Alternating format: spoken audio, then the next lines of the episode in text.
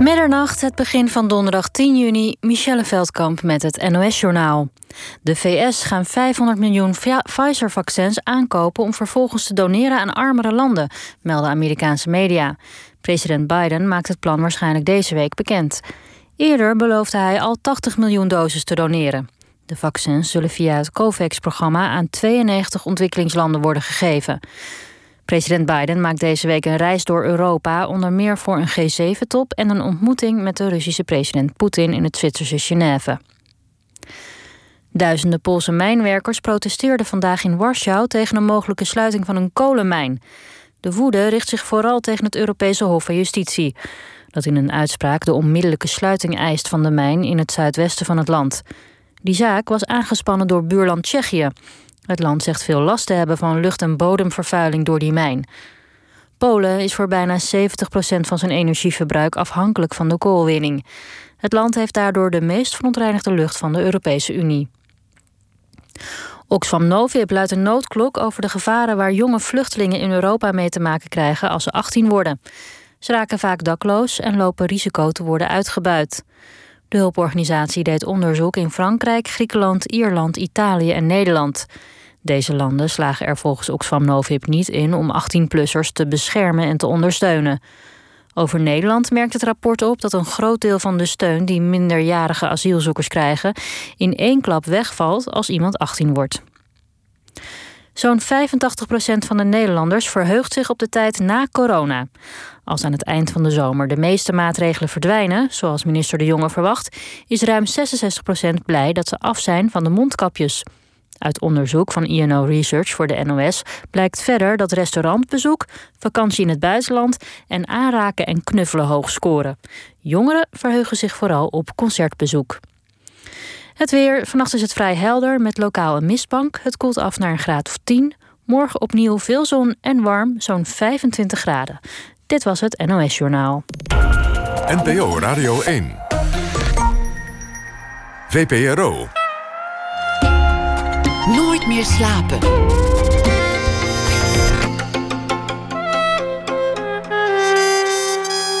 Met Pieter van der Wielen.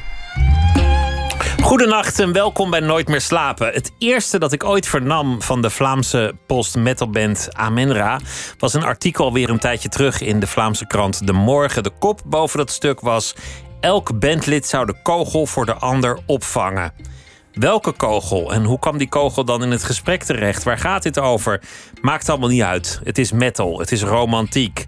Lichte kosten maken de mannen nog steeds niet. Het is duisternistroef, ook op een nieuwe album De Doorn. De dood keert terug in alle teksten, al zijn die teksten dit keer beter in het Vlaams dan in het Engels. Maakt ook niet uit, want er wordt gegrunt.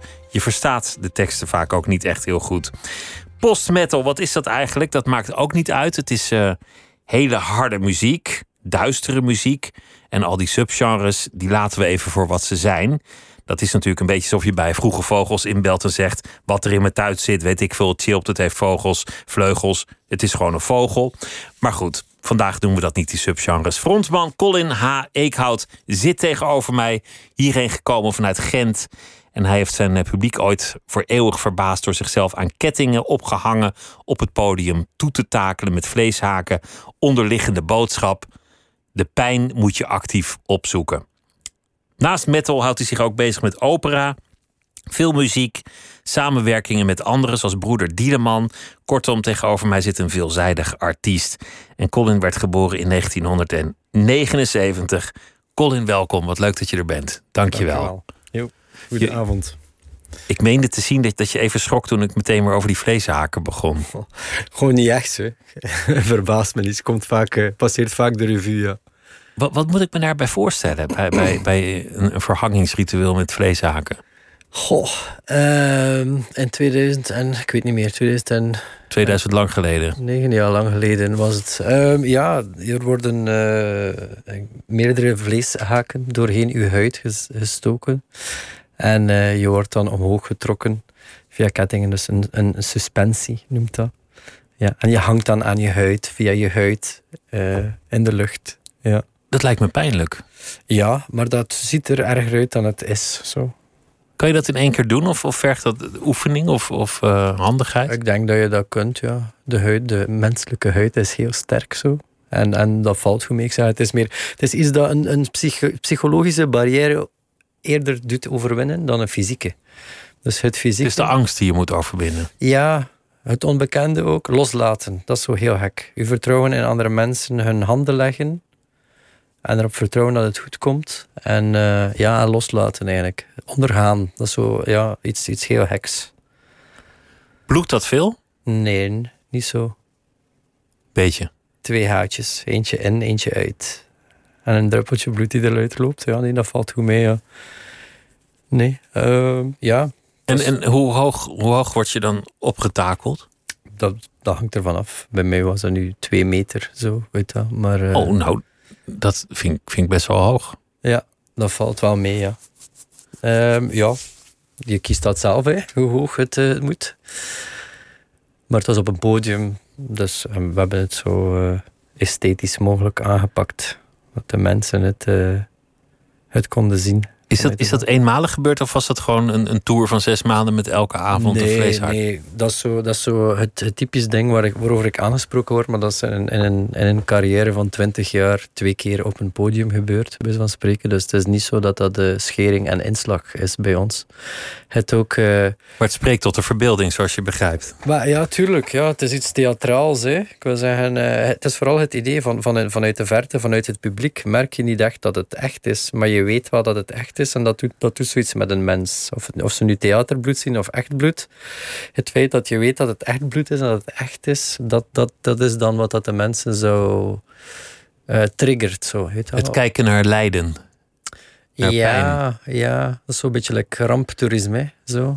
Uh, ik denk ja, dat is zo'n moment en dat je weet dat die persoon pijn aan het lijden is. Oh, in ons geval.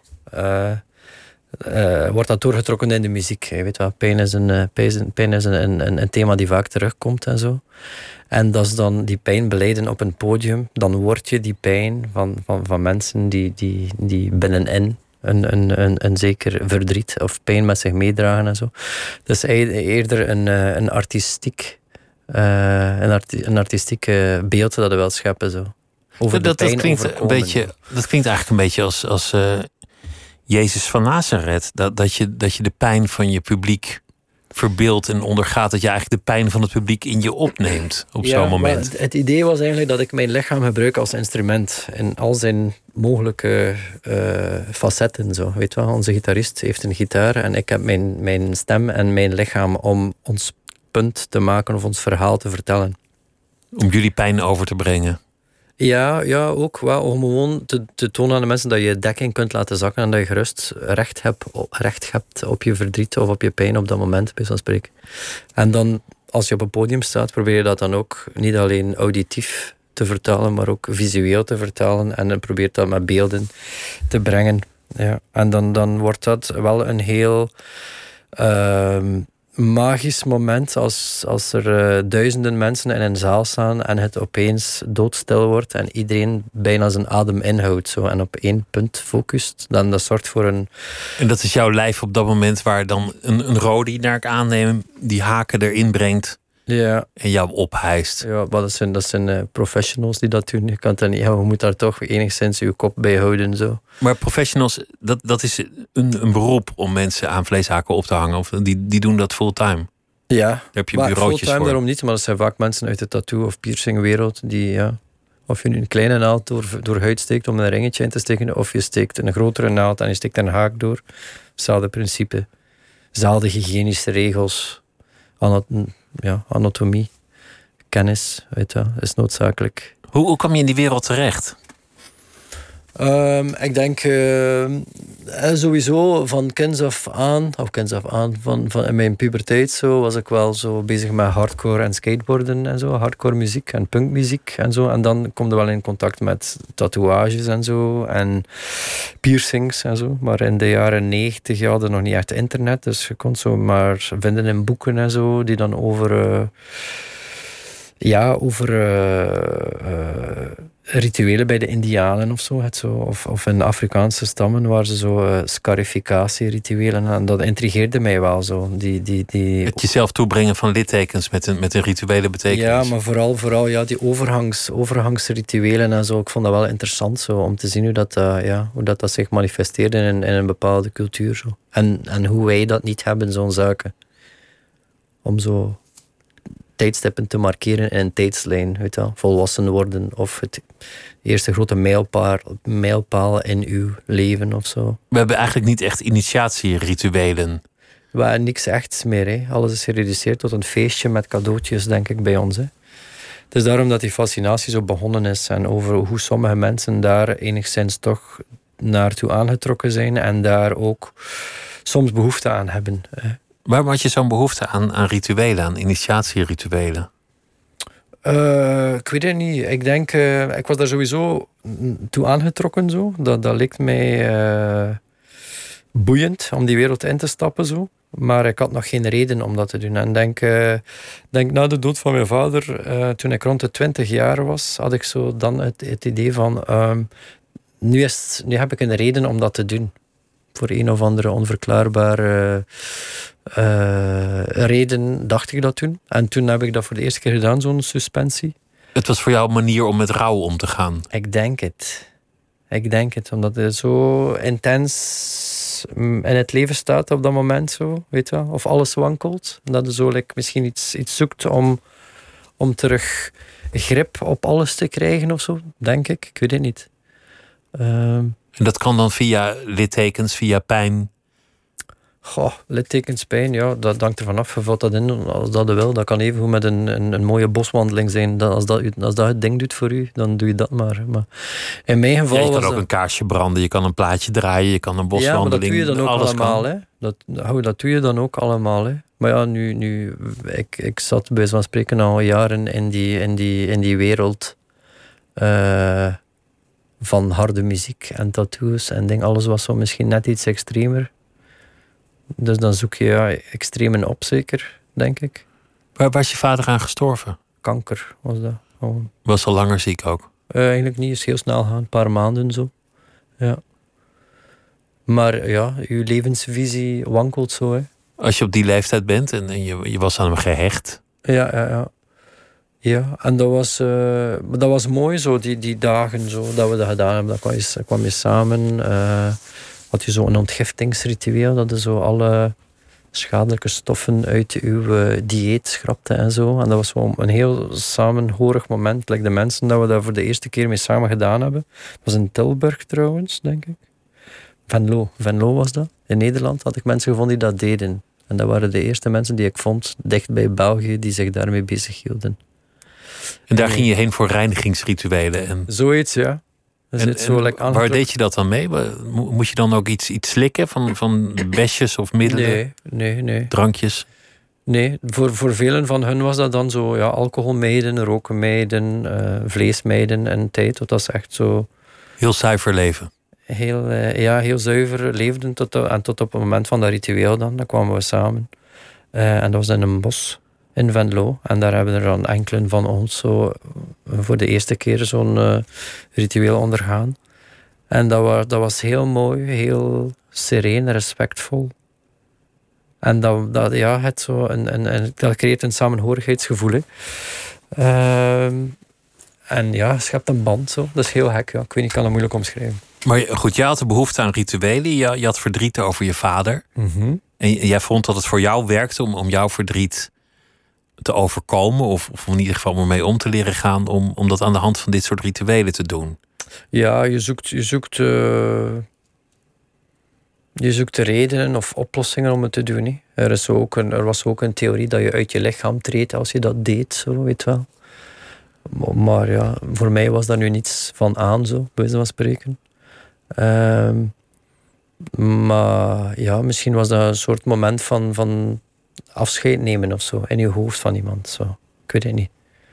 En je, je zei net, het is een manier om je pijn tegemoet te treden, om juist actief op te zoeken. Het is ook een theatraal element, dat, dat het publiek zijn pijn ziet, verbeeld in jou, terwijl jij aan vleeshaken dan omhoog gaat. En je zei, het is ook een manier om je angst te overkomen. Het is eigenlijk vooral een mentaal proces. Je moet, je moet Ja. over die angsten heen. Achteraf heb je, eindig je wel met een gevoel van, ehm, van dat je iets ehm, ja, te boven gekomen bent. In die zin dat je je eigen eh, limieten hebt kunnen overstijgen. Je eigen fysieke limieten dan. Hè? Want in theorie lijkt dat onoverkomelijk als mens, of heel pijnlijk, of whatever. Maar je kleine teen stoten aan de deur doet ook pijn, weet wel. Ehm, maar als dat, als, als dat gedaan is, dan heb je wel een gevoel van een, een zekere ontlading of, of heroplading. Zo voel je je wel gesterkt op een of andere manier. Dat is wel een gevolg van zoiets. Je wordt mentaal sterk. Ik ben een keer ergens geweest waar mensen over gloeiende kolen Mhm. liepen. En de gedachte was dan dat als je over die gloeiende kolen liep, dat je met je brein, door te concentreren, de pijn kon uitschakelen. Ja, Ik heb het zelf niet gedaan. Ik ben bij de eerste gelegenheid de kamer uitgevlucht om aan de bar een wijntje te halen. En niemand heeft me gemist. En ik had geen blaren, dus ik ben er goed bij weggekomen. Maar ik kan me er wel iets bij voorstellen. Dat Ja. dat werkt. Ja, voor sommige mensen wel waarschijnlijk, voor anderen niet. Eh, en dat is allemaal goed, weet je wel. Ja, Ieder zijn ding, uiteraard. Ja, ja, het zou wel. Ehm, ja, ik weet het niet. Dat je zoiets nodig hebt, een stimulans om, om, om jezelf ja, een grens te verleggen of zo misschien. Ik weet het niet. Er, wa- er was in die periode veel duisternis in je leven. Je, je, je vader stierf. Je, je peetoom stierf. eh, je tante stierf. Mhm. Je moeder kreeg een nieuwe vriend. Die, Ja. die stapte uit het leven vrij snel daarna. Ja. Dit allemaal in de tijdsbestek van één of twee jaar. Ja, ja, dus dat ging supersnel. En jij Ja. was 20, 21 zoekende. Ja, En de dood is ineens alomtegenwoordig in je bestaan. ja. Ja, dan weet je het even niet meer, hè. Dan, dan ben je, dan ben je zoekende. 20-jarige. Ja. En Is, is dat nu nog steeds actueel? Heeft dat nog steeds invloed op je bestaan? Hey, dat heeft heel mijn leven wel gevormd. Vanaf toen is dat zo mijn missie geworden om dat zo in, in, in die muziek en in die kunst te gieten. Zo. Eh, omdat het ook een van de enige zinvolle verhalen was die ik te vertellen had. Van hoe heb ik dat dan vormgegeven en een plaats gegeven in mijn leven en al. Dus daar kan ik over meespreken, weet je wel. Ehm, maar het heeft sowieso ja, alles bepalend geweest, denk ik. Ja. De Maar- dood. Ja, Het gaat vaak in jouw muziek over dood, sterfelijkheid, ja, duisternis. ja. Dat is altijd het vertrekpunt. En het eindpunt natuurlijk. Maar ik wil zeggen, ehm, dat is altijd eh, waar, waar dat we mee beginnen. Zo. Dat is de klei waar dat we mee werken. Dus je begint van, we beginnen altijd met die duistere momenten in een leven. Dat hoeft niet altijd de dood te zijn. Dat kan ook ziekte zijn. Dat, dat, dat Maar als jullie musiceren, dan beginnen jullie daarmee. Dat is jullie Ja, de vertrekpunt meeste bij... platen dat we geschreven hebben, vertrokken vanuit, vanuit traumatische levenservaringen eigenlijk. We wachten eigenlijk tot dat, dat er enkelen van ons eigenlijk iets ja, van een zeker gewicht meemaken in hun leven. Om dan, dan hebben we iets te vertellen. Zo. En dan pas beginnen we aan een album eigenlijk. Dat was eigenlijk eh, de insteek meestal. Dat is het bestaansrecht van, van de band Amenra. Dat, dat je de Ja. duisternis Ja, opzoekt. En dan een manier zoeken om, om, eh, om van die duisternis te vertrekken en die dan te gaan ombuigen naar een lichtpunt of naar een, hoopvol, een hoopvolle eind, een, een, een einddoel. Zo. Dus, dus jullie muziek, die, die, die snoeihard is. We gaan, we gaan straks aan het eind ook even luisteren. Dat, is- dat is eigenlijk ook een manier van, van reiniging. Een soort Eigenlijk wel. ritueel. Ja. Het is een soort van. ehm maar ik hoor dat, ik zeg gewoon wat ik hoor van veel mensen die zo door de jaren heen naar optredens komen en die dan mailen naar ons of zo met hun verhalen enzovoort. Maar het heeft wel een eh, blijkbaar een soort helend karakter zo voor sommigen die zich kunnen vinden in die soort muziek natuurlijk. En dat is altijd wel de bedoeling geweest. Voor ons was dat het geval toen dat we dat schreven, die muziek. Maar we wisten natuurlijk niet dat er daar ook buitenstaanders gingen kunnen een zekere kracht uitputten. Eh, wat mooi was dat we dat merkten en dat dat zo nu een beetje de rode draad door ons bestaan begint te zijn.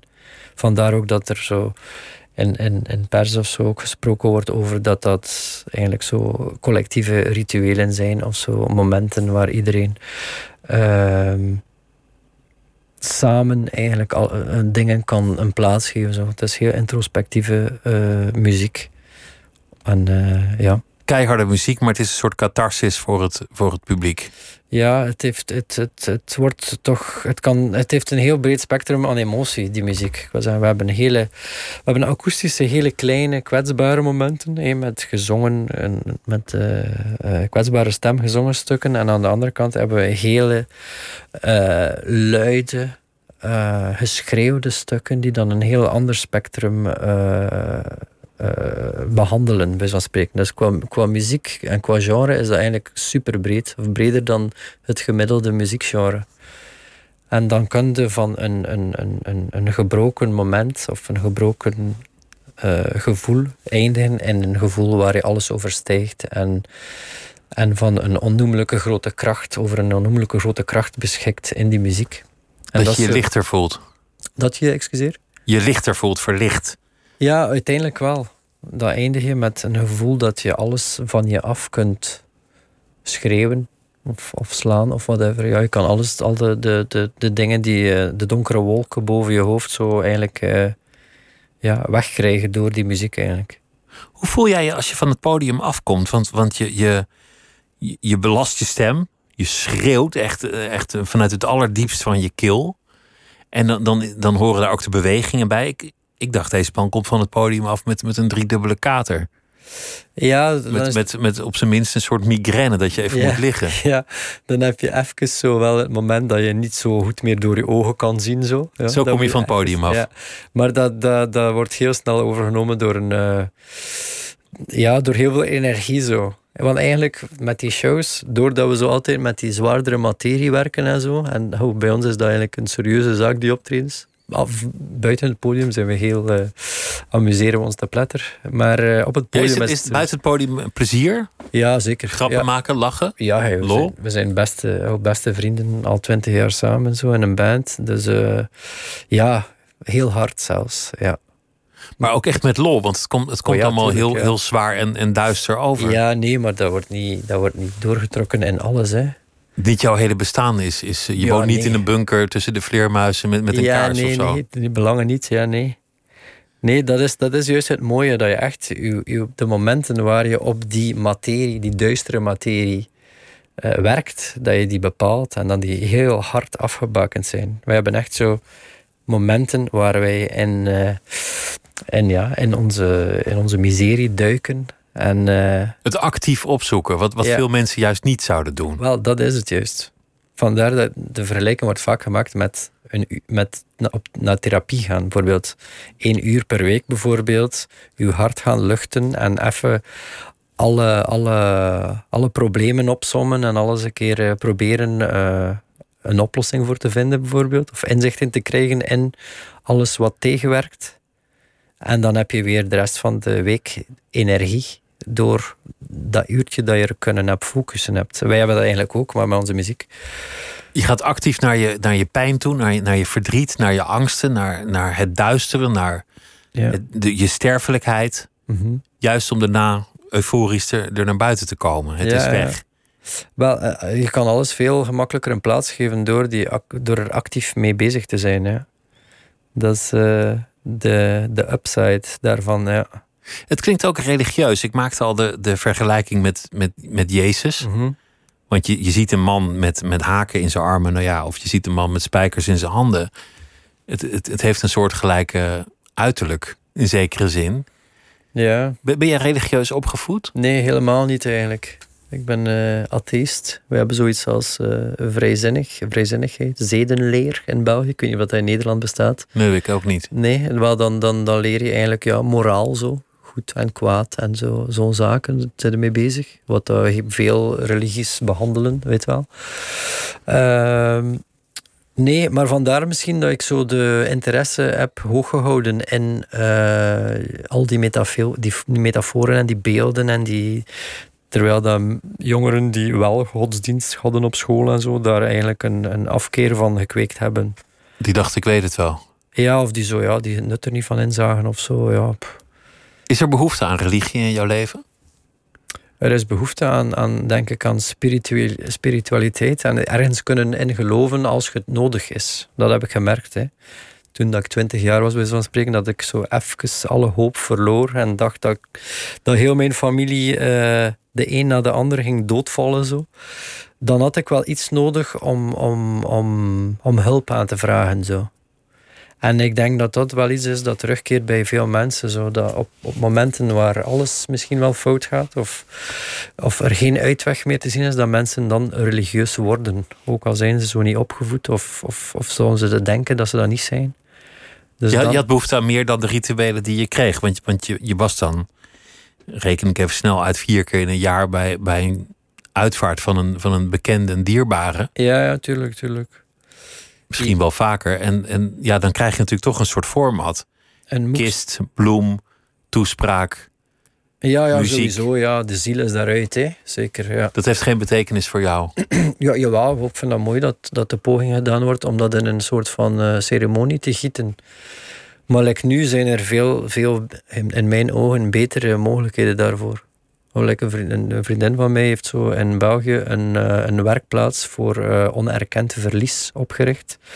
Waar je bij, bij haar terecht kunt, bijvoorbeeld voor een specifieke ceremonie op maat, bij van spreken. En dan was ze samen met een bepaalde kunstenaar of een muzikant en steekt ze een ceremonie ineen die echt op de persoon. En dat, dat wordt dan weer een mooi moment en persoonlijk. En, en, uh, terwijl ja, die formats en zo, ja, dat is een beetje dat is jammer dat dat zo. Het wordt leeg. Ja, ja. Ehm, nu voor sommige mensen is dat genoeg, weet wel. Uh, dat is ook mooi als dat lukt. Maar voor andere mensen ja, zouden er andere zaken zijn die meer hun werk doen. Hè. En daar proberen we ergens een, een, uh, een platform in te bieden. Zo, met, dat, dat, dat, is een, dat is een vrij diepgaande missie voor, voor een band. Ja, dat Ik ken weinig bands die, die, die zeg maar zo'n nou ja, diepe of verheven missie hebben bij het maken van hun muziek. Ja, wel, dat is jammer, hè, vind ik, voor die, voor die, voor die bands. Oh ja, ik wil zeggen, ja, muziek maken is één ding, maar muziek kan ook iets teweeg brengen. Hè. Dat is een van de, van de sterkste artistieke eh, wapens die er zijn, bij wijze van spreken. Um, ja, het is, het, is, het is in mijn ogen een van de, van de perfect, uh, meest perfecte uh, kunstvormen. In die zin dat het uh, bij uitstek het medium is die een, een, een traan kan teweegbrengen bij iemand. Of, of, of, of kippenvel. kippenvel creëren. Of, of euforie. ja, het is, het, is, het is heel gek hoe dat, hoe dat, dat kan door muziek. Dus je hebt dat. En je hebt ook nog, je kan dan op tekst werken. Je kan ervoor zorgen dat je teksten geladen zijn, betekenis hebben, goed in elkaar zitten, bijvoorbeeld. Iets kunnen betekenen voor iemand, wil ik zeggen. En dan kun je ook nog eens zorgen dat je video's iets gaat vertellen of iets ja, uitstralen of met mee, iets meegeven of zo aan mensen en zo. En ik kan dat over alles. En, en, en, en dat, ja, waarom zou je dat niet doen als je dat kan als band? Als je zo'n machtig middel tot je beschikking hebt. Ja, dan moet je toch proberen alles eruit te halen uit dat ding. En, en, en de, hele, ja, de helende kracht van muziek gaan opzoeken. Weet wel, als je dat kan. Dat, dat is veel zinvoller. Dan als... gewoon rock'n'roll en, en entertainment brengen. Ja, dat vind ik toch. Dan heb je toch het gevoel dat je iets goed gedaan hebt. Maar misschien vind je van jezelf dat je iets goed gedaan hebt door een, iemand op vrijdagavond een uurtje te entertainen ook. Hè. Dat kan ook. En dat is ook iets goeds. Hè. Nou ja, ieder, ieder, het, ieder het zijne. Ja, voilà. Voor wie dit inschakelt, uh, de frontman van Amenra is hier. Dat is een, uh, een Vlaamse post-metal band. En Colin H. Eekhout is uh, de zanger daarvan. En die is hier vanwege het nieuwe album De Doorn in het Nederlands. We hebben het over duistere zaken. Het opzoeken van de pijn, het leven met sterfelijkheid. Het zoeken naar catharsis en rituelen in een samenleving. Hoe je jezelf lichter kan maken door alles wat je dwars zit juist onder ogen te komen. Niet weg te lopen voor de pijn, om actief op te zoeken. En hoe de zanger, de frontman, de theatermaker de pijn van het publiek kan ondergaan. Door zich één keer, twee keer gebeurd aan vleeshaken op te laten hijzen. Wie het te duister vindt, we kunnen eventjes een klein uh, intermezzo doen waarin we onderstrepen dat het een mooie zonnige dag is, dat de zomer is begonnen, de lockdown voorbij, de pioenrozen in bloei staan, dat uh, de evenementen weer beginnen, de theaters weer open gaan, dat het Nederlands elftal weer gaat voetballen. En zo heel veel vrolijke dingen. De vogeltjes die fluiten, ook al weten we niet welke vogelsoort het precies is. Maar we hadden het over pijn en over duisternis. Waar zijn jullie elkaar tegengekomen? Want het is eigenlijk wel bijzonder als jullie deze opvatting over muziek delen. Dat, dat jullie elkaar tegen het lijf zijn gelopen in, in Kortrijk. Dat is vooral gegroeid, denk ik. Hè. Denk, eh, toen, toen wij eh, 18 of 19 jaar waren, toen dat we begonnen, wisten we helemaal nog niet waar we gingen uit, uit, uitkomen. Eh, ik denk dat we, sommigen van ons spelen al samen van ons 16 jaar of zo. Eh, en toen was dat eigenlijk voornamelijk eh, deel willen uitmaken van een, eh, van een scene. En vooral eh, zo cool mogelijk proberen doen. Zo.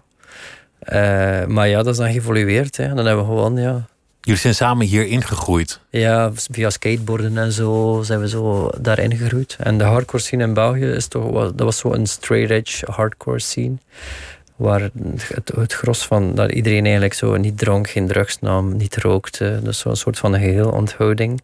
Dat was Dat, zo, dat hoort erbij. Is, is dat ook iets omdat je dan je pijn beter kan voelen? Dat je, dat je niet het verdovende middel neemt om er even aan te ontsnappen?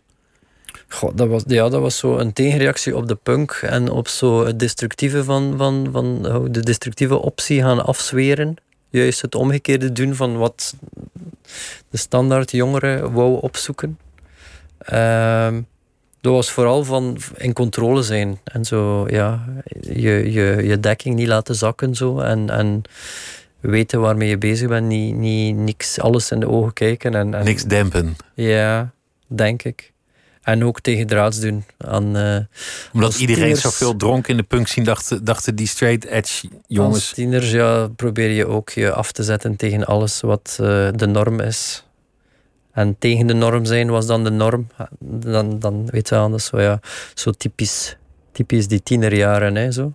Maar dat is dan geëvolueerd en, en ja, die kijk op dat leven en die hardcore scene, dat is zo heel. Een, een, samenwerken is daar heel belangrijk. Samen voor een doel gaan. In plaats van elkaar uit de, uit de, uit de weg te ellebogen, zo, weet wel.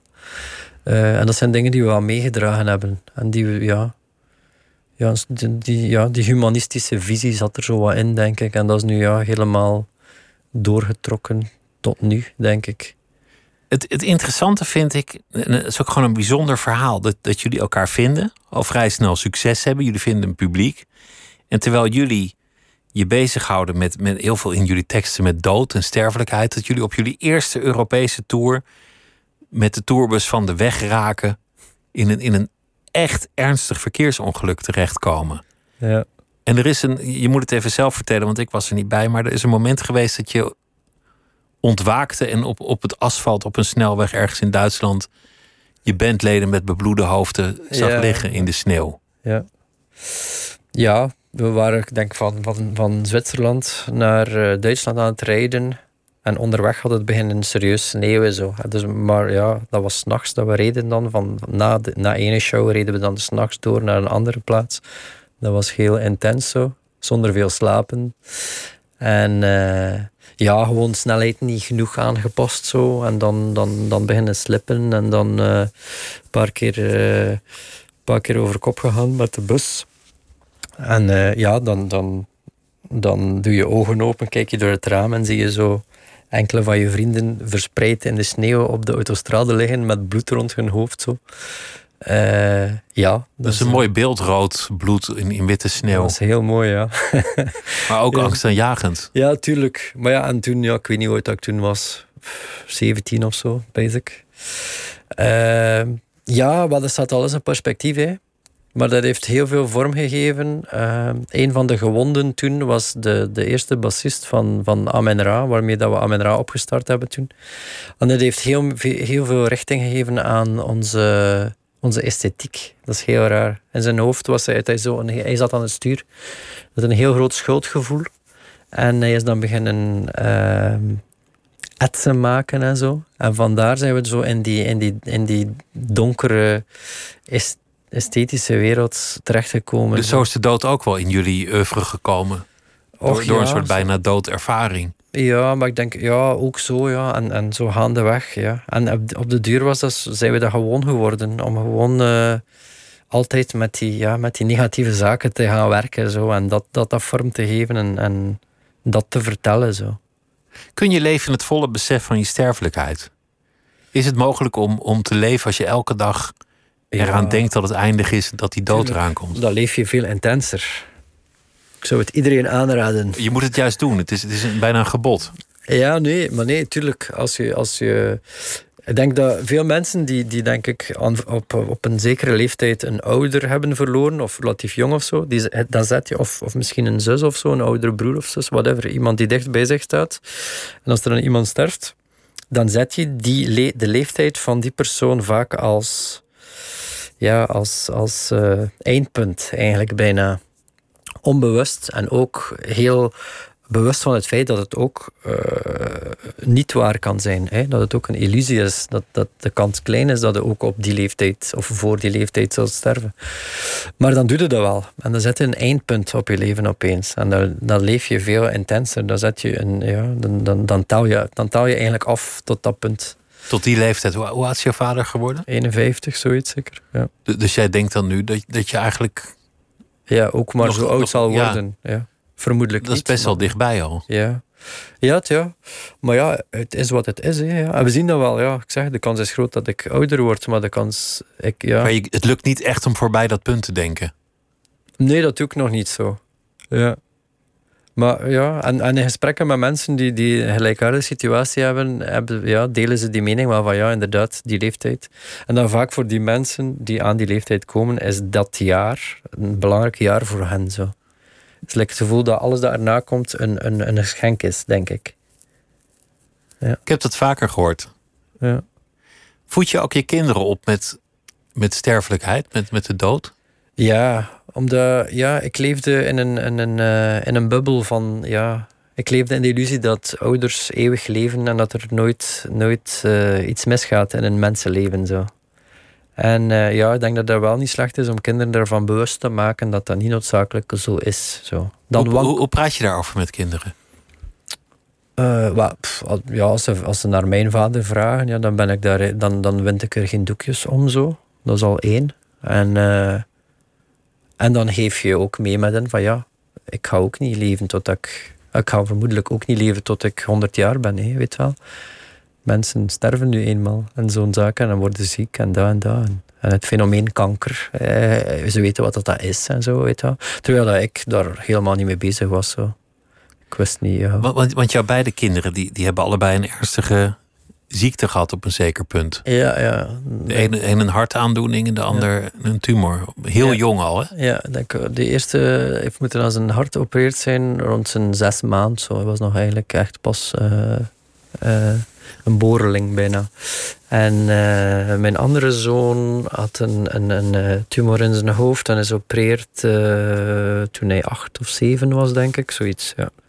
Dat, dat zijn, zijn beide eigenlijk medisch absurde gevallen. Dat, dat Ja, wel zo jong dat al hebben. Ja, wel, als, ja, als ik dat vergelijk met mijn leven, bij spreken, ik, had, ik, had nog nooit, ik heb nog nooit zoiets van die aard eh, meegemaakt. Dus ja, dus ja, ze hadden niet veel geluk, bij zo'n spreken. Wat, wat voor gevolgen heeft dat gehad voor, voor jou? Goh, ja, want, want, want het is natuurlijk angstaanjagend als je kinderen zo jong met zoiets ernstigs in het ziekenhuis liggen. Ja, maar dat zijn, dat zijn, de, die, dat zijn die momenten dat ik, dat ik over spreek. En like, dat we in die muziek gieten. Hè. Dat zijn die, dat is, in mijn ogen zijn dat, zijn dat de ergst mogelijke momenten in een mensleven. En dat is als, als, er, als, er, als, er, als je niks, niks kan doen. Zo. Als je het enkel Als je kan- machteloos bent. Ja, als je machteloos bent. Als je er gewoon kan bijstaan en naar kijken bij en ondersteunen, maar niet kan oplossen. Als ouder of als kind is dat, is dat een rampzalig scenario. Hè? Als ja, je vader is ziek, je vader, eh, ja, oké, dat zit erbij. Ja. Eh, en omgekeerde beweging ook als ouder. Hè? Kun je moed inspreken en zo, maar eh, ja, genezen kun je niet zelf. Hè? Dan moet je vertrouwen op artsen en zo. Eh, maar ja, dan, dan, ja dan, dan besef je hoe, hoe, hoe nietig je bent als mens. Hè? En heel kwetsbaar op dat moment. Tuurlijk, ja, tuurlijk.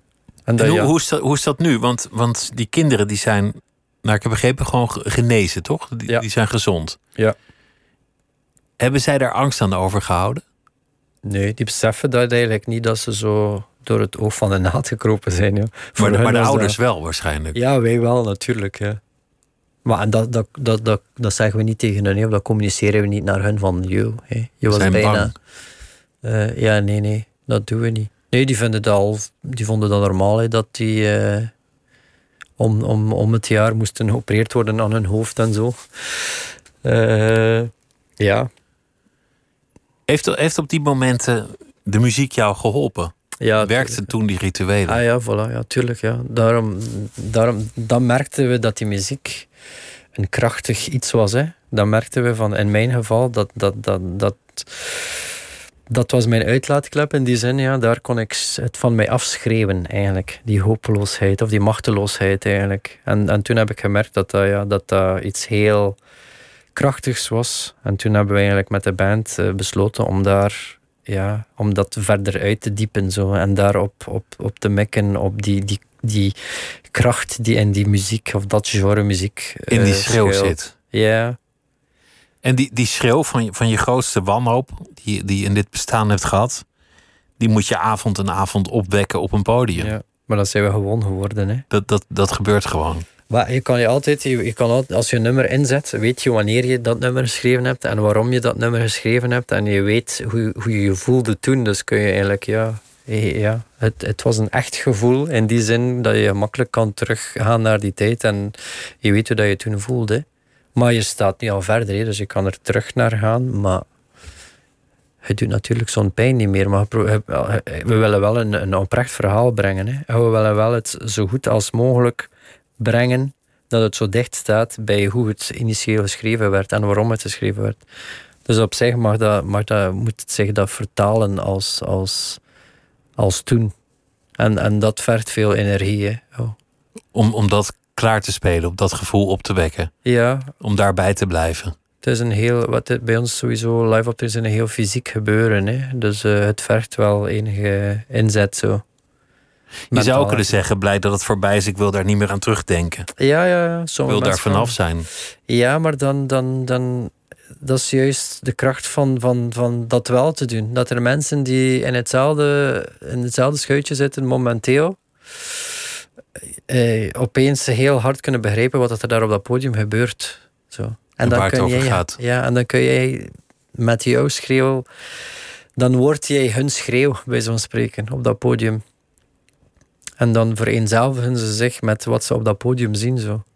Wij hebben geluk dat we het podium hebben. Hè. Wij hebben een plaats waar we kunnen schreeuwen en waar we kunnen in het wild.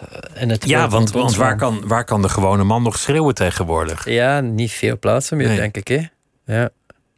En, en, en, en een echte schreeuw is iets, is iets eh, instinctiefs, maakt dat in, iets in een mens wakker. Als je op straat iemand echt hoort schreeuwen, iedereen stopt, iedereen is stil, iedereen kijkt. Iedereen maakt dat hij wegkomt. tijd staat stil. Iedereen maakt dat hij wegkomt of kijkt of hij niet kan helpen of zo. Of... En, en ja, dat, dat, is, dat is dat dat je moet opwekken. Het is dat dat je moet opzoeken. Ja. Amenra is, is eh, amen aan de ene kant, Ja. dat, dat, de- waarmee het gebed eindigt. En, en Ra, de Egyptische god. ja. Is, is, is dat, Symbool voor het leven. En eigenlijk, het, het, de, de amen achteraan een gebed is eigenlijk eh, het zij zo. het zij zo, het leven. zo, ja. Het is aanvaarding dus. Ja, het leven. Ja. Het, het komt zoals het komt. Zo, weet je wel? En niet altijd in zijn goede vormen. Weet je wel? Je hebt dan- geen zeggenschap over hoe het leven zich aan je zal ontvouwen. Nee, nee. En dan, ja, dan bereid je maar beter voor hè, op alles. Brace, brace position. Ja.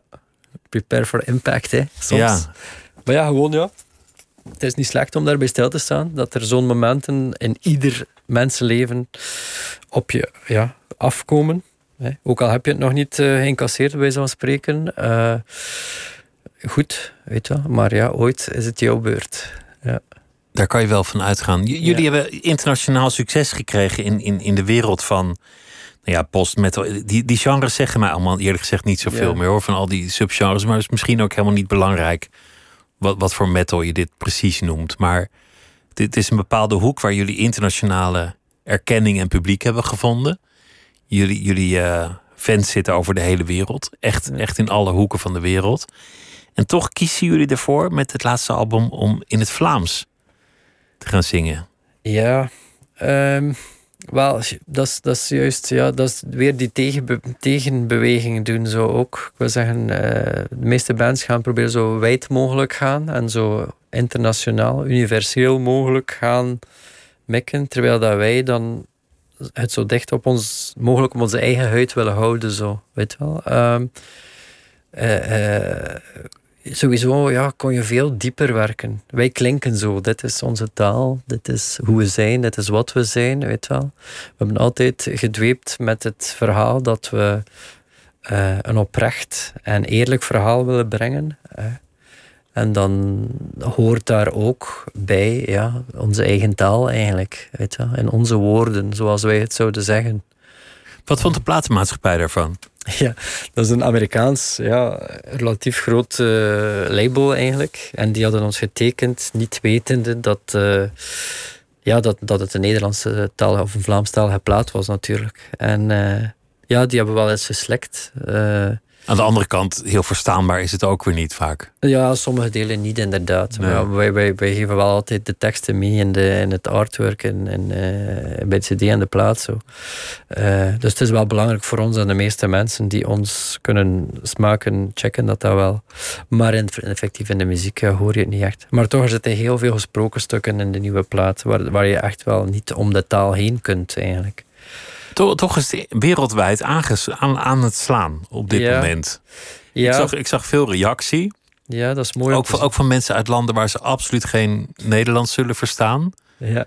Maar, maar die toch aanhaken op die muziek. Ja, ja, we, ja, we hadden daar wel schrik van natuurlijk. Zo, wat dat ging doen met het internationale publiek. Of dat dat uh, ook omarmd zou worden. En, en ja, het blijkt zo te zijn. Maar ja, ik wil zeggen, die, die, die, die nummers zijn geschreven in functie van zo'n grotere collectieve groepsrituelen dat we georganiseerd hebben en ceremonies en zo. En daar stond voor 90% eh, Vlaamstalige mensen. Dat was in België. Dus ja, eh, leek het logisch voor ons om een directe lijn te hebben. Hè. Uh, dat is toen natuurlijk om het in je eigen taal te doen. Ja, inderdaad. Je, je doet ook heel veel andere dingen steeds meer ook buiten de, buiten de band om. En, en dat, is, dat is eigenlijk wel verwonderlijk. Je houdt je bezig met opera, filmmuziek, met, met uh, uh, religieuze dingen hou je je bezig uh, in, in culturele zin. Ja. Samenwerking met, met, met broeder Dieleman. Ja. films van, van Tarkovsky, geloof ik, was je mee bezig. Ja. Dat is, dat, is, dat, is samen met de, dat is grotendeels samen met de band. Ik doe ook vaak dingen alleen, maar dat is ook vaak met, met, met leden van de band. Zo. Ja, dat, is, dat zijn al projecten. Dat is, dat is interessant om, om, om, om, Ja, dat is leuk om in te duiken. Dat is een andere wereld, dat is een andere taal, bij zo'n spreken. Film, filmmuziek maken is ja. Je wordt een uh, emotie aangereikt, dat je dat moet vertalen. Dat is, dat is een heel andere dynamiek dan hoe, hoe wij gewoon waren van werken. Maar door dat breed spectrum dat we kunnen bewandelen, muzikaal, is dat, is dat heel dankbaar voor ons om, om muziek uh, voor film te kunnen maken en zo. Maar je komt dan echt in hele andere hoeken dan waar je, waar je eigenlijk vandaan komt. Ja, tuurlijk. Maar ja, dat maakt het juist interessant. Hè. Ik wil zeggen, die oogkleppen die zwaaien af na enkele jaren. Zo, hè. Dan zie je gewoon meer inspiratie en alles dat anders is dan alles dat, dat hetzelfde is. Ja, in, in andere genres, in andere kunstvormen hedendaagse dans of opera of whatever. Dat, dat, zijn, dat zijn werelden dat we niet kennen. En waar we veel uit kunnen leren hè, ook. Broeder Dieleman lijkt op het eerste gezicht totaal iets, iets anders dan wat jij doet. Een, een, een man met een gitaar of een banjo die, die in het Zeeuws prachtige teksten oplepelt, zingt, voordraagt. En toch zit er een enorme verwantschap tussen jullie. Ja, enorm de een protestant, de ander uit een katholiek land, ja. maar atheïst. Ja, ja. En toch hebben jullie zoveel verwantschap. Dat, dat vind ik wonderlijk. Ja, nee, dat bleek heel snel zo. Toen dat we, we hadden ooit een keer samen gespeeld in België. En we hebben dat heel de avond staan praten en zo. Eigenlijk doen wij hetzelfde. Dat is heel Op een heel andere manier. Ja, totaal. En wat is dat dan? Ik weet het niet. Eh, liefde preken op een of andere manier.